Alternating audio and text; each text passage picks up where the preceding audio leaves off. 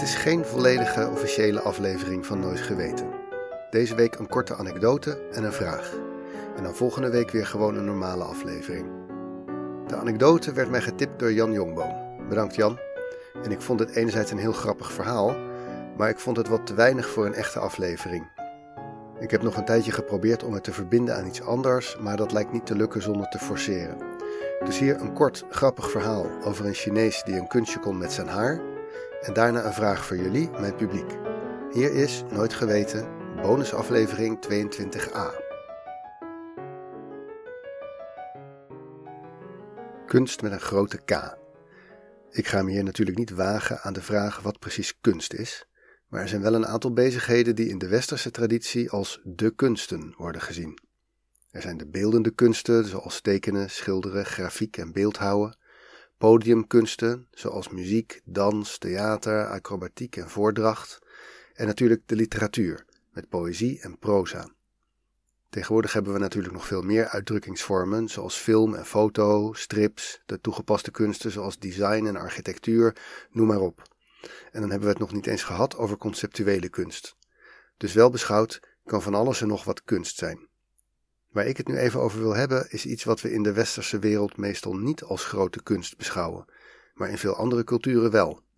Het gaat om kalligrafie, oftewel mooi schrijven.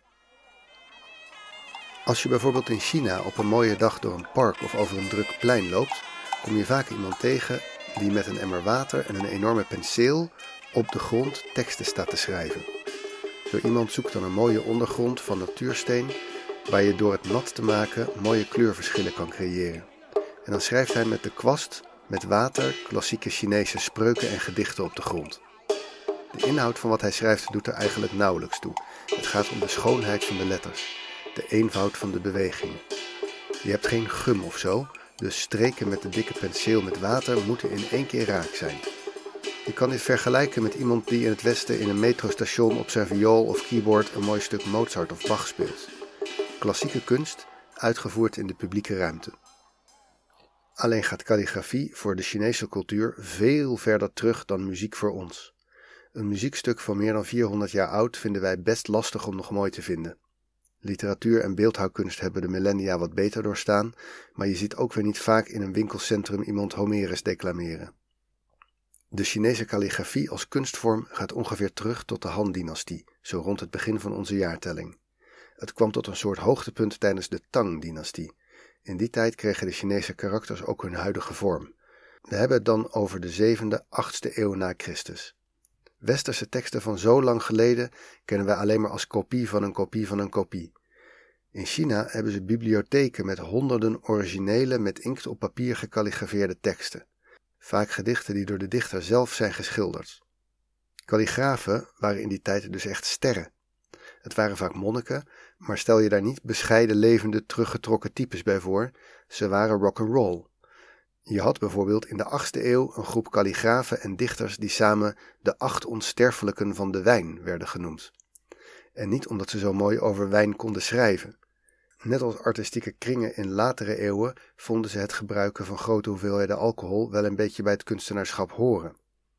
Twee van de grootgebruikers uit dit gezelschap waren Zhang Shu en Huang Zhu, samen ook wel bekend als Gekke Zhang en Dronken Su.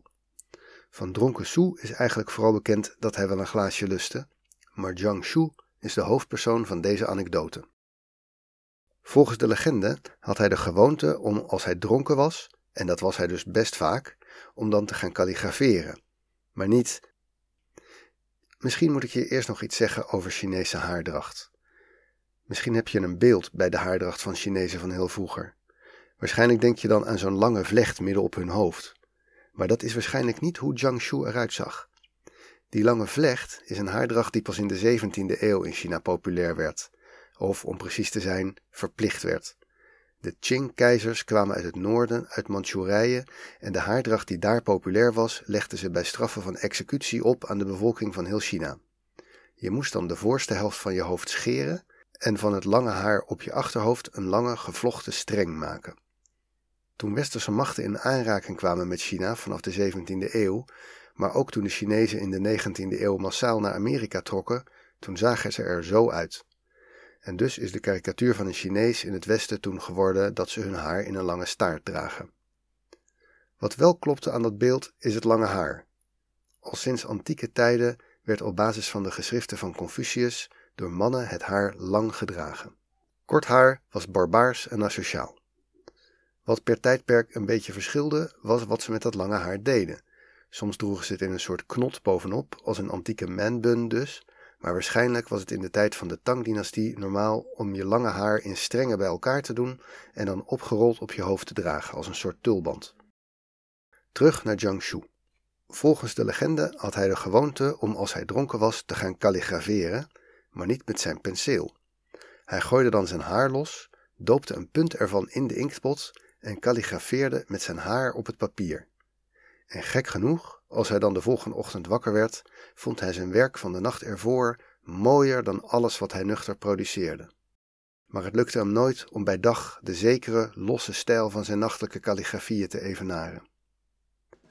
Het mooie is dus dat we van deze kalligrafieën gewoon nog originele exemplaren hebben. Dit speelde zich duizend jaar voor Vondel en Shakespeare af, 600 jaar voor Dante. Maar we hebben nog steeds papieren met de kalligrafieën van gekke Jiang.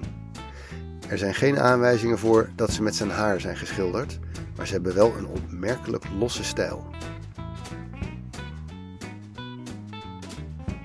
Dit was een bonus tussenaflevering van Nooit Geweten. Aflevering 10a van seizoen 2. Ik heb besloten dat ik 12 afleveringen wel een mooi aantal vind voor een seizoen.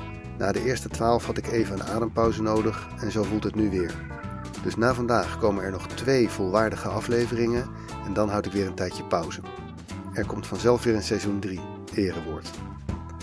Maar nu even iets anders. De luistercijfers van Nooit Geweten stijgen gestaag.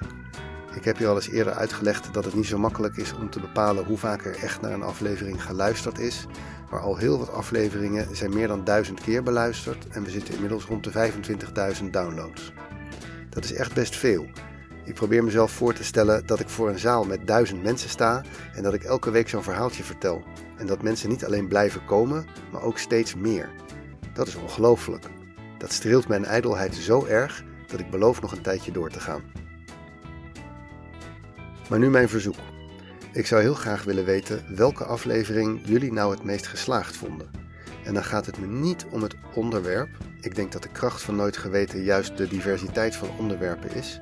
Het gaat me meer om de stijl en vorm. Ik heb daar best wat in gevarieerd en geëxperimenteerd. Ik ben benieuwd welke aflevering je is bijgebleven.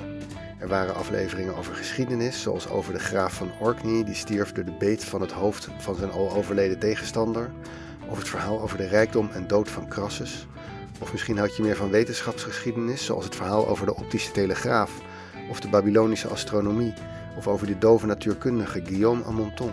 Er waren ook afleveringen die meer onder wereldoriëntatie of zo zouden vallen. Denk maar aan de kooprinsen van Andorra of over de dieren die mieren eten. Of waarom we eigenlijk twee neusgaten hebben. Denk er maar even kort over na. En kijk anders nog even naar de volledige lijst met afleveringen op podcast.nooitgeweten.net. Ja? Heb je een favoriete aflevering gekozen? Dan hoor ik graag welke. Je mag het mailen, maar het liefst hoor ik het via Twitter. Vertel welke aflevering en noem in je bericht de Twitter-handle nooitpodcast. Dus apenstaartje en dan aan elkaar nooit podcast. Ik weet dat veel mensen pas een hele tijd later dan het uitkomen van de aflevering luisteren. Geeft niets. Als je dit pas in 2022 hoort, maar je hebt al wel een heel aantal afleveringen gehoord, hoor ik nog steeds graag wat je favoriet tot nu toe is. Alvast enorm bedankt.